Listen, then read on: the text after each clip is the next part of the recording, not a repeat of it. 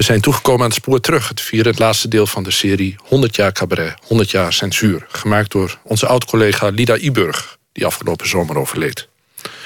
De documentaire is een van de talloze die ze tot haar pensioen voor VPRO Radio maakte. Deze serie is uit 1995 en ze maakte hem samen met Koen Verbruik. Luistert u naar deel 4 van 100 jaar cabaret, 100 jaar censuur.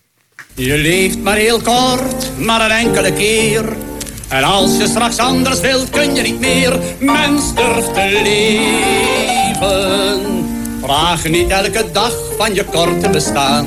Hoe heeft er mijn pa en mijn opa gedaan? Hoe doet er mijn neef en hoe doet er mijn vriend? En wie weet hoe of dat nou de wereld weer vindt? En wat heeft het fatsoen voor geschreven? Mens durft te leven. Het vierde en laatste deel over een eeuw cabaret en een eeuw censuur. We zijn inmiddels gekomen tot 1971. Wim Kan. Hoewel niemand had gedacht dat hij ooit het slachtoffer van censuur zou kunnen worden, werd hij het wel. Cabaretkenner Wim Ibo over Wim Kan ik erger me daar soms nu nog wel eens aan... Uh, wanneer mensen zeggen dat uh, Wim Kan geen standpunt had. Maar toen er eindelijk eens een moment kwam... waarop hij wel degelijk voor 100% een standpunt had... toen werd hij verkocht en verraaien. En dat was naar aanleiding van het vakantiebezoek van keizer Hirohito aan Nederland. Samen met Corrie Vonk heeft Wim Kan zich hevig verzet... tegen de komst van keizer Hirohito in 1971. Maar tevergeefs. Hirohito kwam toch en werd zelfs officieel ontvangen... door de koninklijke familie. Voor Wim Kan was Hirohito het symbool van zijn krijgsgevangenschap in Burma. Over deze geschiedenis zei hij eens... de thermometer kent het nulpunt. Daarboven dooit het, daaronder vriest het. Mijn ingebouwde gevoelsthermostaat kwam pas in werking toen het nulpunt was bereikt en de vorst dreigde te komen.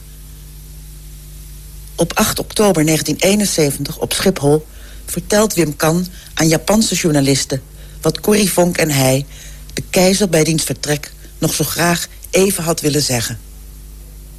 Die ene minuut die wij bij onze regering hadden aangevraagd... maar die ze ons blijkbaar niet kon geven... omdat de stem van de minderheid in elk geval tijdelijk even niet gehoord moest worden... of omdat zij 46 uur lang geen baas meer was in eigen huis. Wij delen u mee, meneer Hirohito... dat u in ons land voor een deel van ons volk niet welkom was...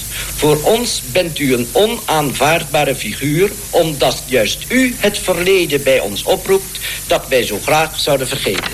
Ga naar huis en zend ons zo snel mogelijk een vredelievend symbool. Een afgezant van de jonge generatie van uw land. Hij zal zeker meer bereiken dan u met uw waanzinnig uitstapje kapot hebt gemaakt. En dat is onvoorstelbaar veel. Hier is een geschenk. Het is iets waar u blij mee moet zijn want uw soldaten hebben er namelijk in uw naam drie jaar lang naar gezocht. Mijn dagboek uit krijgsgevangenschap. Mijn dagboek van de spoorlijn des doods in Burma. Lees het, dan zult u misschien begrijpen waarom u hier nooit had moeten komen. Het woord is aan een nieuwe generatie. En in zijn allerlaatste interview met de ziekenomroep van Velp in 1983... blikte Kan nog eens verbitterd terug. In die tijd, in die 3,5 jaar krijgsgevangenschap... is alles gebeurd uit naam van de keizer. Onder het portret van die keizer. Kun je nou enigszins voorstellen, ook als je een oorlog niet hebt meegemaakt... en ook niet bij de Japanners hebt gezeten... dat als je je eigen vrienden gewoon voor je neus zo hebt zien doodschieten... dat is dan gebeurd, dat je die vent toch niet kan zien... en dat gaat toch nooit meer over? Dat wordt nooit meer goed. En ik vind het belachelijk... En nou, dit mag allemaal uit dat Juliana deze man moest ontvangen... heeft ze mij in een brief van haar secretaris meegedeeld. In die brief komt duidelijk tot uiting... Uh, dat ze uit hoofde van haar beroep deze man moest ontvangen. Maar wat de rest daarbij te maken had... die daar toch kwamen en theeserviesjes aannamen... en zulke soort dingen van de, van de Japanse keizer... is mij niet alleen onduidelijk... maar ik vind het gewoon een klap in ons gezicht van allemaal. Er leven niet veel mensen mee die het hebben meegemaakt. Zo begon een van mijn railroadliedjes... De vijand heeft er ongeveer een derde afgemaakt. Een derde is niet teruggekomen van die mensen. En niet alleen door oorlogshandelingen. Nee, gewoon omdat ze dood werden geschoten. Uit naam van Hirohito. En daar zit, daar zit meneer Vollenhoven. En daar zit juffrouw Margriet. Kan het niet anders zeggen. Die zitten daar met een glimlach. Dat hadden ze niet moeten doen. Als, ze, als deze mensen vinden dat ze een, een knip voor de neus waard zijn... dan hoeven ze daar niet te zitten. Uit welke Waarom moesten ze daar zijn? De brutaliteit van die man om hier te komen... en een artis te gaan staan te bekijken... en niemand die een mond opendeed... wat hou ik toch een keurige vocabulaire aan... niemand die een mond opendeed. Stel voor dat ik mijn mond hield. Wim Ibo over het railroadliedje 1971. En eh, omdat hij het ook op een artistieke wijze kwijt wilde heeft hij er een, een van de allermooiste cabaretliedjes uh, aangeweid. Uh, het uh, Railroad-liedje, 1971. Het lied over de Burma Spoorweg. En uiteraard de zaak ging die naar meneer Fonogram... waar altijd die platen werden opgenomen... om dat opgenomen te krijgen. En die hebben dat toen geweigerd omdat ze bang waren voor uh, een uh, kritische reactie van de Philips-vestiging in Japan zelf. He, dat dat dus zakelijk gezien niet verstandig was om dat te doen. Ik heb toen, uh, nogmaals als, als producer had ik dus veel met Wim Kamp te maken.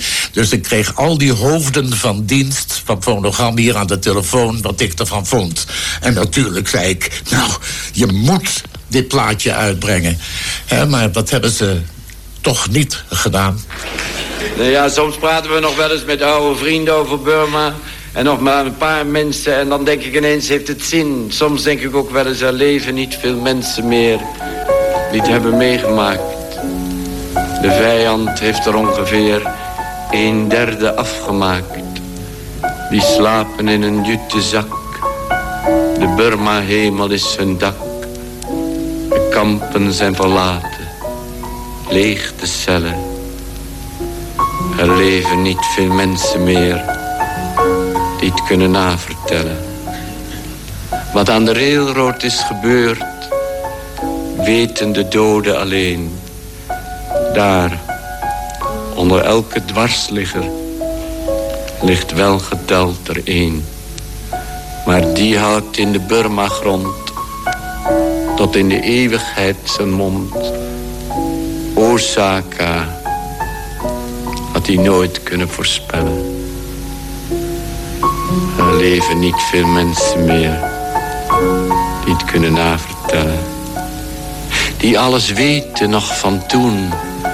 De drie pagodenpas, de dode spoorlijn bij Rangoon, ontvluchten hoe dat was. Je werd, zonder te zijn verhoord, op keizerlijk bevel vermoord. Maar wie wil dat nu nog tentoon gaan stellen? Er leven al haast geen mensen meer die het kunnen navertellen. En toch leeft er nog altijd één die het navertellen kan. Die de geschiedenis kent als geen. De keizer van Japan. Nou hij niet opgehangen is... had toen prins Bernard aan de dis... hem best eens mogen vragen hoe dat zat destijds in Burma met die doden en die zieken en die honger en die cellen. Wat had hij dat terwijl hij at. Mooi kunnen navertellen.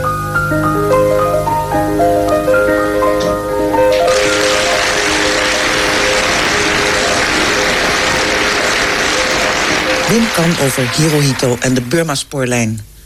Fonogram wilde het niet op de plaat, maar dat is later door andere platenmaatschappijen wel gedaan. We hebben in de vorige uitzendingen veel achter de schermen gekeken... van de VARA en de tekstcontroledienst. Maar hoe zat het bij de NCRV? In 1974 schreef Lennart Nijg de tekst... en Boudewijn de Groot maakte de muziek voor Malle Babbe. Oorspronkelijk geschreven voor Adelle Bloemendaal... veel gezongen door Boudewijn de Groot... en heel bekend geworden door Rob de Nijs. Jan Rietman was in die tijd discjockey bij de NCRV... en mocht onder andere Malle Babbe niet draaien. Terwijl hij zelf, avond en avond... Boudewijn de Groot op de piano begeleiden met hetzelfde lied. Koen Verbraak in gesprek met Jan Rietman. Kreeg hij als discjockey instructies wat wel en niet mocht bij de NCRV? Ja, er waren bijna alleen maar instructies eigenlijk van uh, wat wel en niet mocht. Dat, uh, ik vond dat toen al heel erg ver gaan, moet ik zeggen. Roomser dan de paus, weet je wel. Als er ook maar ergens goh in zat. Of, nou ja, daar zou je dan nog iets bij kunnen bedenken. Maar als het woord engel erin zat... Uh, engelen bestaan niet, bijvoorbeeld, mocht ook niet. Dat vond ik ook zoiets belachelijks, weet je wel. Gewoon gezellige dingen. En, en was de NCRV daar strenger in dan andere omroepen? Ja, dat denk ik wel. Ik, uh, ik denk, uh, ja, de KRO deed er geloof ik ook wel aan mee. Maar de NCRV was er echt behoorlijk streng in. En dat moesten ze natuurlijk aan de andere kant ook wel. Omdat hun achterban dat vroeg. En hoe werd daar door de artiesten in kwestie op gereageerd? Nou, het was zelfs op een gegeven moment zo, denk ik, dat artiesten, want ik maakte in die tijd ook al platen met mensen, dat artiesten er rekening mee hielden. Weet je, als het dan maar enigszins te omzeilen was dat zo'n woord er niet in voor zou komen, of een zinsnede, dan kan ik me nog herinneren dat we in de studio zeiden van jongens, dat moeten we niet doen, want dan draait de NCRV het niet. En dat was toen in die playlisttijd was dat heel belangrijk. Dus ik denk dat veel artiesten er uh, rekening mee hebben gehouden. Een aantal artiesten ook absoluut niet. En die brachten gewoon platen uit. Neem bijvoorbeeld uh, Malle Babbe. Een mooi voorbeeld. Eerst Boudewijn de Groot en later uh, Rob de Nijs. Dat was toen ondenkbaar dat je dat draaide. Terwijl het toch een levensbeschouwelijk verhaal is... van dingen die volgens mij schering en inslag zijn en waren in die tijd. Maar daar stond uh, zowat de doodstraf op hoor, als je dat deed. Dus dat deed je ook niet, want dat was eigenlijk het vervolg van het feit dat je daar werkt... en dat je dat accepteerde gewoon. De NCV deed dat niet. Dus nou, dan wist je dat gewoon ik vond en vind Malababbe dus een fantastisch lied. Alleen als daar dus als omroep, als je leden hebt die voor je omroep kiezen... en die zich daar dus en masse aan zouden storen... dan moet je dat als die omroep niet doen. Klaar. En als je er werkt, moet je je daar aan houden.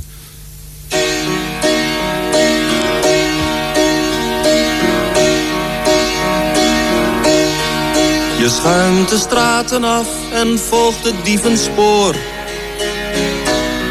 Met schooiers en soldaten, hun petten op een oor. Je tilt je rokken op en lacht naar iedere man. Die in het donker wel durft, wat overdag niet kan. En bij nacht, in de kroegen hier, gaat je naam in het rond bij het blond schuimend bier. Ik ken ze één voor één, de heren van fatsoen. Ik zal ze nooit vergeten, zoals ze jou wel doen. Hoe vaak heb jij zo'n kop, bezopen, stom en geil. Niet aan je borst gedrukt, je lijf nat van zijn kwijl. Als bij nacht, in de kroegen hier, ik je naam weer het blond schuimend bier.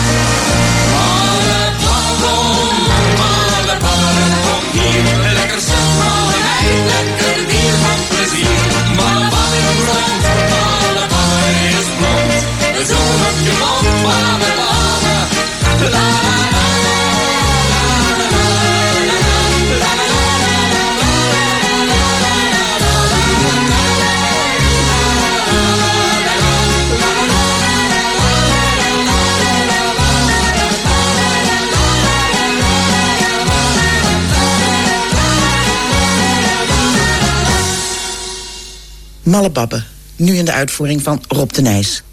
In 1974 verboden door de NCRV. In 1983 maakten Frans Halsema en Paul Hane... een satirisch programma voor de KRO. Maar bijna elke uitzending leidde wel tot een rel. Koen Verbraak praat met Paul Hane over de KRO en het programma... Nu hoor ik het ook, dat het maar één seizoen uithield. Ja, het is één seizoen. Het is twee keer gestopt.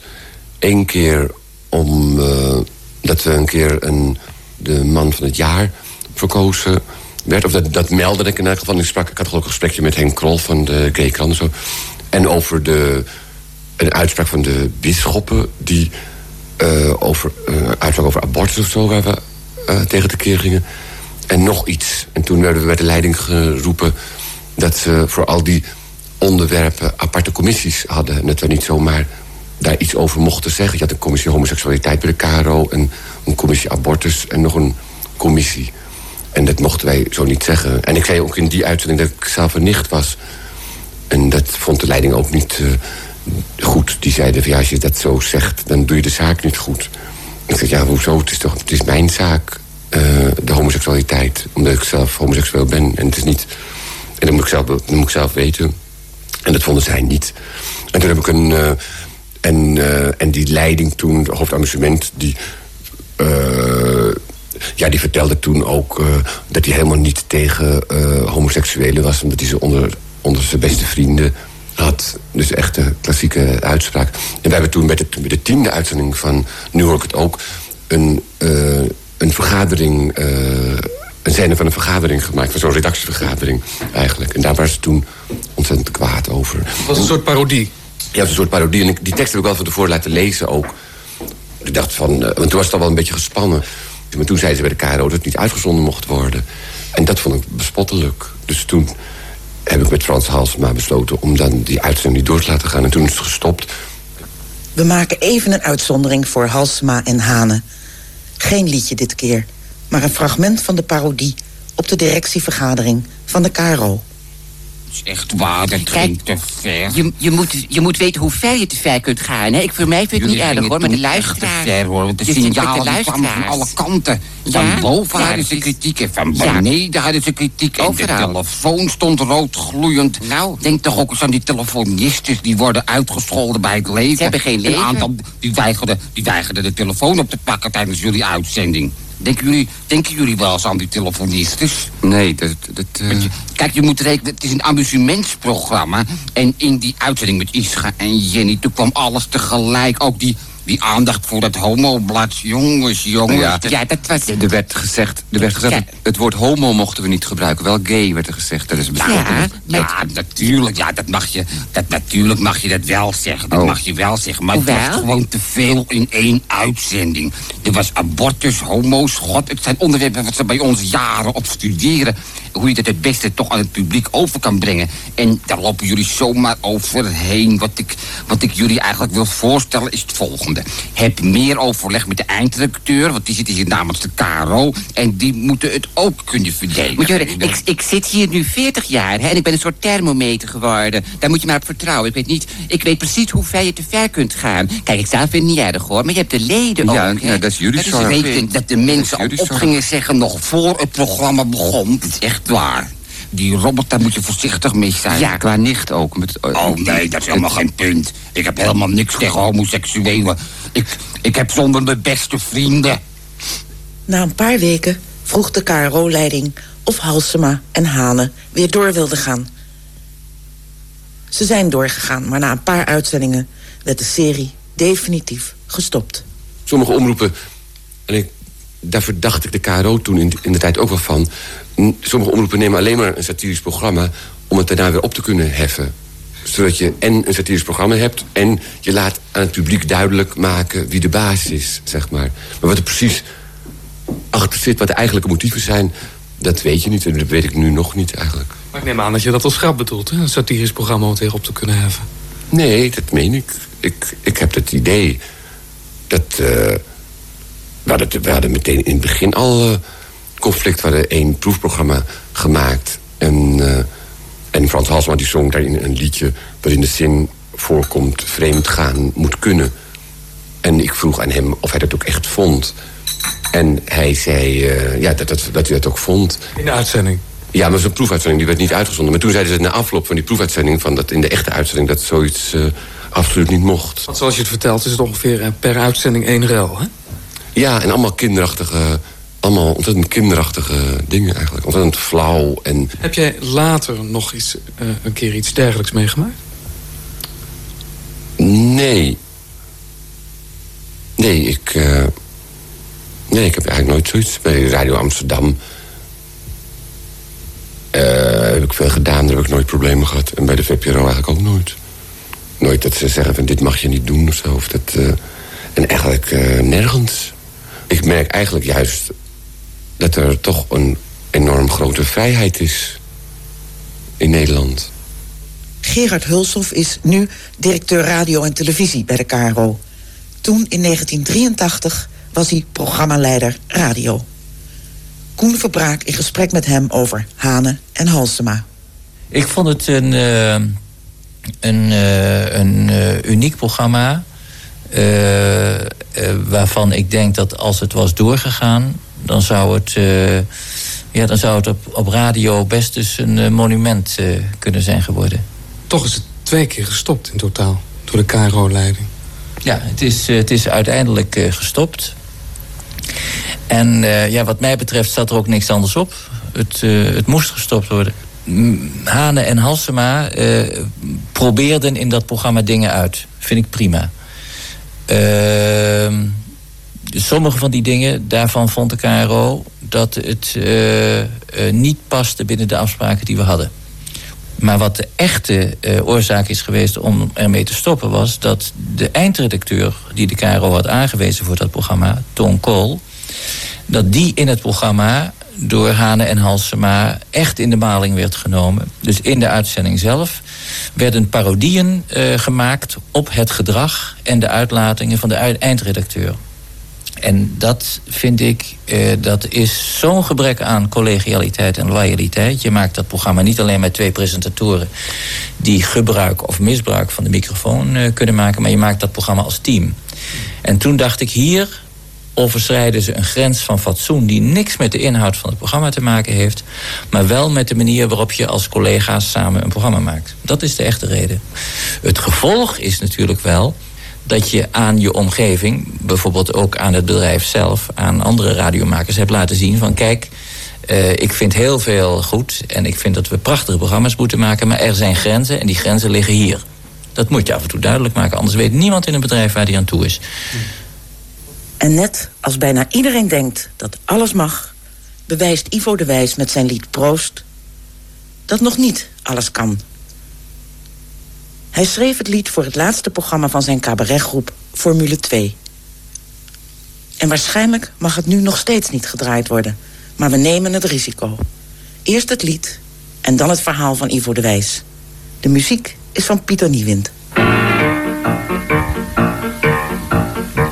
Je mag tegenwoordig beweren wat je wil beweren. Je mag fulmineren tegen wie of wat je wilt. Je mag zeggen dat Hans Wiegel een debiel is.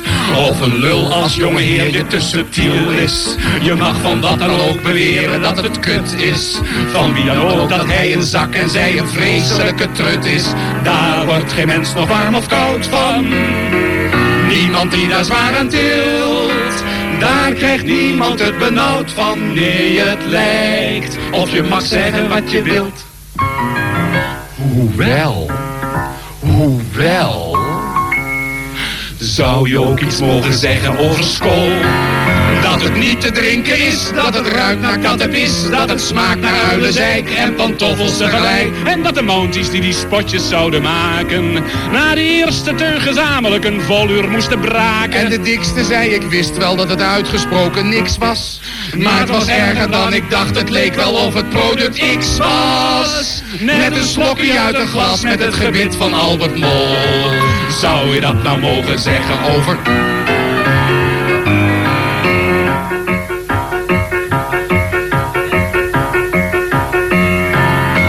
Net plastic lijkt, dat het hoe je het ook bekijkt zich het best gebruiken laat als een middel voor de vaat. Maar pas op bij een servies met een motiefje, dat verdwijnt gegarandeerd. Dat geven wij u op een briefje. En die zogenaamde hoppigheid die steeds zo wordt geprezen. Nou, die hoppigheid, daar hoef je niet zo happig op te wezen. Er zit net zo weinig hop in als in blauwzuur of carbol. Zou je dat nou mogen zeggen over school?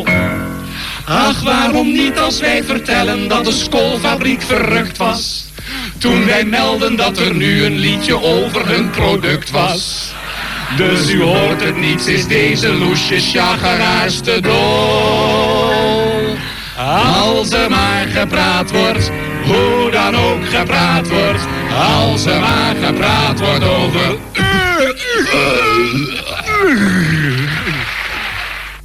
Uh, we hebben één keer te maken gehad met een uh, merk wat uh, boos werd. Heel erg boos zelfs, tot de advocaten aan toe. en dat was een nummer, dat ging er eigenlijk over dat je alles mocht zeggen. In de jaren zeventig mocht je heel lelijk doen over het vorstenhuis en over de politici. En in dat nummer vroegen wij ons af of je nou ook een merknaam eens zou mogen aanpakken in een, in een liedje. En uh, dat hebben we dus meteen maar gedaan. En daar hebben we toen voor gekozen. Toen door ons zeer gehate merk Skol. Want de cabaretiers die eten altijd bij Chinezen voor de voorstellingen. Het bleek dat al die Chinezen hadden nog maar één soort bier. Dat was Skol. En dat vonden wij niet lekker. Dus dat Skol lag voor de hand om eens tegenaan te trappen.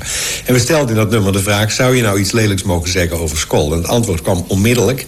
Skol... Uh, ontdekte dat wij dat nummer op het repertoire hadden... via een man van een reclamebureau die in de zaal zat, toevallig.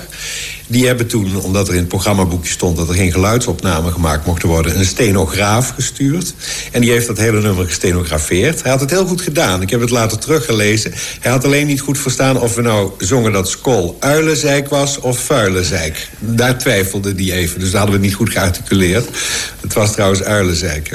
Uh, uh, en met die tekst in de hand hebben ze toen om een onderhoud verzocht. Hun eerste vraag was waarom wij. Toen zeiden wij, nou waarheid, wij vinden uw bier niet lekker. En toen zeiden ze, wij willen dit niet hebben. En toen uh, ben ik gaan uh, zoeken naar een advocaat die uh, ons zou kunnen verdedigen. En die is niet gevonden.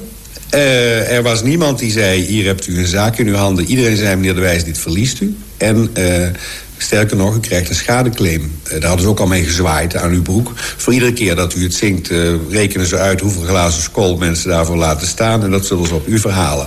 Ik vond het in hoge mate onrechtvaardig, nog steeds trouwens. Die wet die uw merk zo krachtig beschermt, die deugt niet. En ik ben ook blij dat in later jaren uh, mensen als Joep van het Hek met de buckler en de Lada erin geslaagd zijn om het merk toch minder heilig te krijgen. Maar officieel is mij onlangs nog verzekerd, hoewel wat rek zit in de wet als bijvoorbeeld Buckler van tevoren had geweten... wat Joep van Dek van plan was... hadden ze het hem wel heel erg lastig kunnen maken. Wat gebeurt er nou als wij hem nu draaien? Nou... Zullen wij de verantwoordelijkheid nemen? Ja, maar ik, het, het, het, merk is uh, niet zo machtig meer. En bovendien hebben we nu geloof ik te maken met een tijdsdocument of zo. Daar kun je wel onderuit, denk ik. Ja ooit getroffen door boos publiek? Boze theaterdirecteuren? Nou, boze theaterdirecteuren niet, maar uh, uh, daar merkte je meestal niet zoveel van. Maar de eerste tijd van mijn cabaret raten wij natuurlijk van alles op... voor scholen, organisaties en clubs. En daar wou het nog wel eens scheef lopen. We hadden toen een, een nummer dat ging over de religieuze popmuziek. Die kwam toen op. Je had shows als Up With People en Juice for Christ, dat voorstellingen. En kom dacht ik, laat ik nou ook zo'n stukje bijbel op muziek laten zetten. En toen hebben we het verhaal van Lazarus, die uit zijn graf werd gehaald gehaald genomen. En uh, dat was sowieso al een beetje heiligschennend om het met popmuziek te doen. Maar er kwamen ook de zusters van Lazarus in voor, Martha en Maria. En die praten als de toen populaire gezusters Hamster uit de Fabeltjeskrant. Zo'n beetje slissend. Oh, zus, de meester heb je tijd. En uh, het is vreselijk. En uh, ja, dat, dat werd wel schokkend gevonden. En dat was een pauzenummer. En dat is geloof ik één of twee keer aanleiding geweest... om in de pauze dan maar tegen het gezelschap Ivo de Wijs te zeggen... na de pauze hoeft niet meer, hoeft niet meer. Dus dan ging het over en dan was het afgelopen. En op dat soort nummers kwamen ook wel uh, ingezonde brieven van... of brieven van, van dat het te ver ging. En wat ook buitengewoon stuitend werd gevonden... was een kort liedje. Dat hadden wij gesitueerd ergens in de toenmalige koloniën. Uh, wij hebben hier een dag gestaan, maar hoera, daar komt de vliegtuig aan... en de deuren zwaaien open en daar staat prinses Christine... en ze laat op van de trap af, want die had ze niet gezien. En uh, dat... Uh, ja, dat, het Koningshuis was nog redelijk heilig... en dat vond men wel op het randje. Hoewel ik ook gezelschap heb meegemaakt... die, hebben zich daar om die stomme regels gek gelachen. Die hoef, die hoef je eigenlijk niet meer... de rest van het programma hoefde je niet te doen. Ze waren vol, ze waren verzadigd. Maar dat viel ook af en toe wel eens mis, ja. ja. Maar het is altijd religie, seks, Koningshuis ja, wat, wat mensen hoog hebben zitten op een of andere manier. En daar moet je dus altijd natuurlijk in morrelen. Daar, daar, daar kun je uh, de lach krijgen en dan kun je iets tegen draad. Hoe eeuwiger de waarde, hoe beter de humor gedijt. Dat zie je op, op, op begrafenissen ook. Hè? Dan de mensen zijn allemaal zo vreselijk in de plooi. Is er iets geks gebeurd, dan wordt er plotseling heel hard gelachen. Trouwerijen, iedereen heel gespannen. De ambtenaar hoeft zich maar één keer te verspreken... en er ontstaat een soort lakbui die bijna niet meer ophoudt. Hoe, hoe plechtiger het is, hoe, hoe plechtiger overtuigingen of gelegenheden zijn... Hoe, hoe meer kansen er liggen voor de humor. Ja, want die is natuurlijk ontheiligend, die, die onttovert teksten geweigerd die je geschreven hebt? Ik heb voor Connie van der Bos ooit een nummer uit het Duits vertaald... op haar verzoek. Dat heette in het Duits... Uh, Vrouwen komen langzaam, aber gewaltig. Uh, prachtige titel. Uh, in, in mijn vertaling... Vrouwen komen langzaam, maar niet te stuiten. Wat wel iets minder is dan het Duits... maar tenminste metrisch loopt. En uh, nou, Connie is daarmee naar haar platenmaatschappij gegaan. En die wou het niet op de plaat hebben. En dat, het verhaal wat ik toen te horen kreeg was... ja, het paste niet bij het image van Connie van der Bos. Maar ik heb toch sterk het idee dat ze dat weer te ver vonden gaan... op een of andere manier. Het ging natuurlijk wel heel sterk over klaarkomen. En ja, uh, dat dan op een plaat van onze keurige firma... Uh, nee, dat moest dan maar niet. Net zoals in Tiel in 1965 bij het Lurelei Cabaret liepen er nog maar heel kort geleden weer mensen woedend de zaal uit. Maar nu tijdens een optreden van Hans Dorrestein in Oud-Beierland. Boosheid alom. Het liedje ging over necrofilie. Op 5 mei 1992 zou er in Theater Carré... een bevrijdingsshow rechtstreeks worden uitgezonden door de NOS. De voorzitter van het bevrijdingscomité 4 en 5 mei... verbood het liedje als op het Leidseplein de lichtjes weer eens branden gaan in 1943 geschreven door de NSB'er Jacques van Tol... die overigens voor, tijdens en na de oorlog... voor heel veel artiesten liedjes schreef. Het werd in 1943 gezongen door Willy Walde... in de Sleeswijkrevue met de dames Snip en Snap. Wim Ibo over het incident in 1992. Als op het Leidseplein de lichtjes weer eens branden gaan. Het liedje Als op het Leidseplein de lichtjes weer eens branden gaan Geschreven in 1943 door de NSB'er Jacques van Tol. Die tegelijkertijd zijn uh, zondagmiddag cabaret, zijn antisemitisch, nationaal-socialistisch zondagmiddag cabaret uitvoerde voor de radio. Dus ja, nu kort geleden heeft uh, Henk van Gelder dus een boek gewijd aan de spookschrijver Jacques van Tol. Het raadsel Jacques van Tol noemt hij het. Uh, die karakterloosheid van die man. Hè? Die aan de ene kant uh, dood aan de Jood, zei uw leuskameraad, schreef. En aan de andere kant, als op het Leidseplein de lichtjes weer eens branden gaan. Dat is niet te rijmen gewoon. Hè? Naar aanleiding van dat boek heeft toen de leiding van dat uh, herdenkingsprogramma in Carré... heeft de leiding het verboden. Johnny Kraaikamp zou het zingen. En dat vind ik dan ook een heel merkwaardig besluit. Stel je voor dat je eerst even het politieke verleden van alle auteurs nagaat... alvorens een van hun teksten goed te vinden. Dat vind ik dus een, een idiote instelling.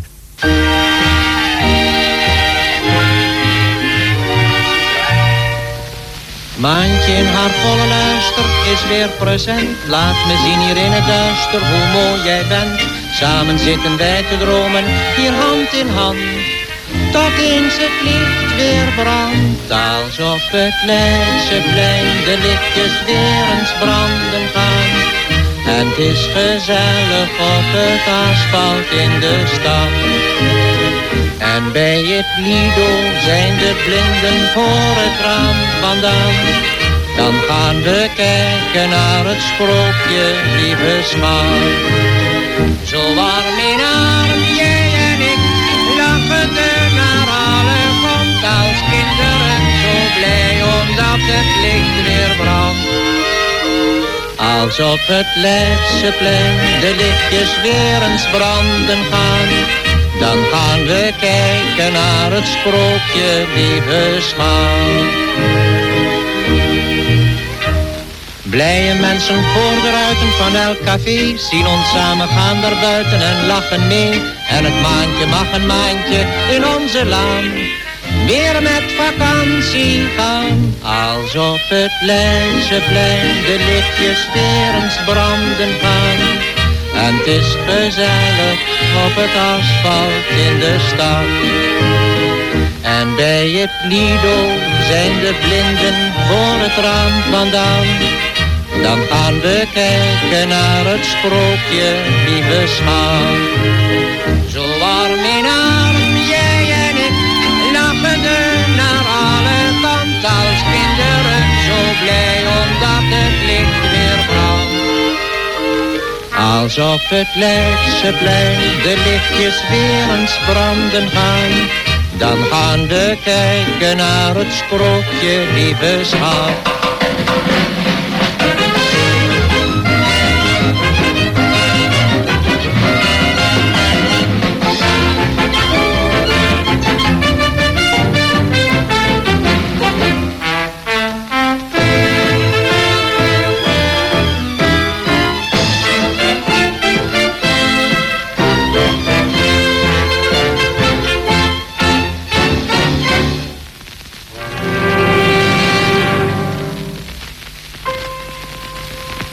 Als op het Leidseplein de lichtjes weer eens branden gaan, dan gaan we kijken naar het sprookje, lieve schat.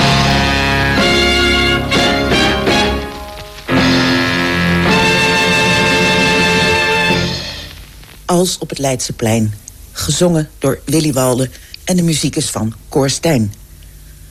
100 jaar cabaret, daar begon het allemaal mee. Met het eerste optreden van Eduard Jacobs in 1895... in een nachtsociëteit in de Amsterdamse Pijp. Jacobs, terug van een verblijf in Parijs... waar hij kennis maakte met het cabaret... zong zijn rauwe en realistische teksten... onder het toeziend oog van de zedenpolitie. Zijn liedjes gingen dikwijls over de ellende en verloedering van hoeren. Peter Blanker vond voor ons programma... een mooi verhaal van Herman Heijermans over zijn tijdgenoot Eduard Jacobs. Uh, dit is de minste van de mesthoop. En daarin citeert uh, uh, Alex de Haas, de schrijver, Herman Heijemans. En wat je niet zou verwachten van Heijemans, die toch ook wel een groot realist was, was dat hij in kamertjes zonde, als onder het pseudoniem Samuel Valkland, een beschrijving geeft van een gemene sociëteit in de pijp, waar een aantal studenten met hun vriendinnen een kijkje gaan nemen. En dan blijkt dat dat een zeer natuurgetrouwe beschrijving is van het allereerste uh, cabaret. Wat in 1895 dus door Eduard Jacobs werd gegrondvest in de pijp.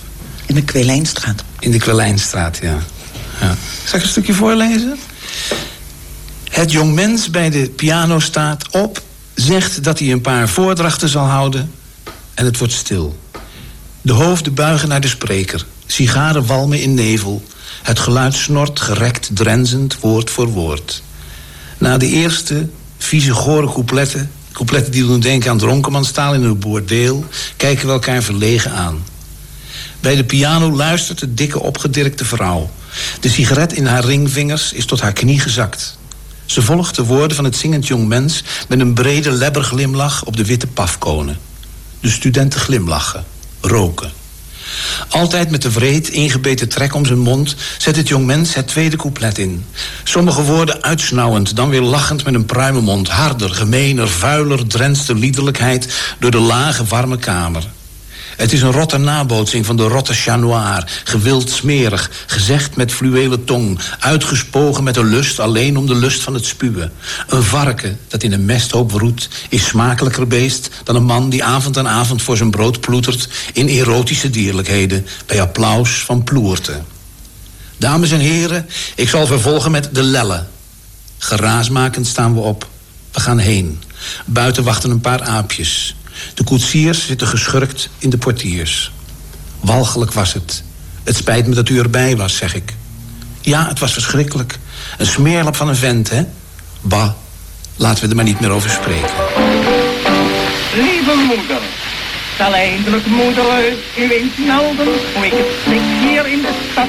Ik heb lang gewacht omdat zo zelden ik een vrij minuutje had.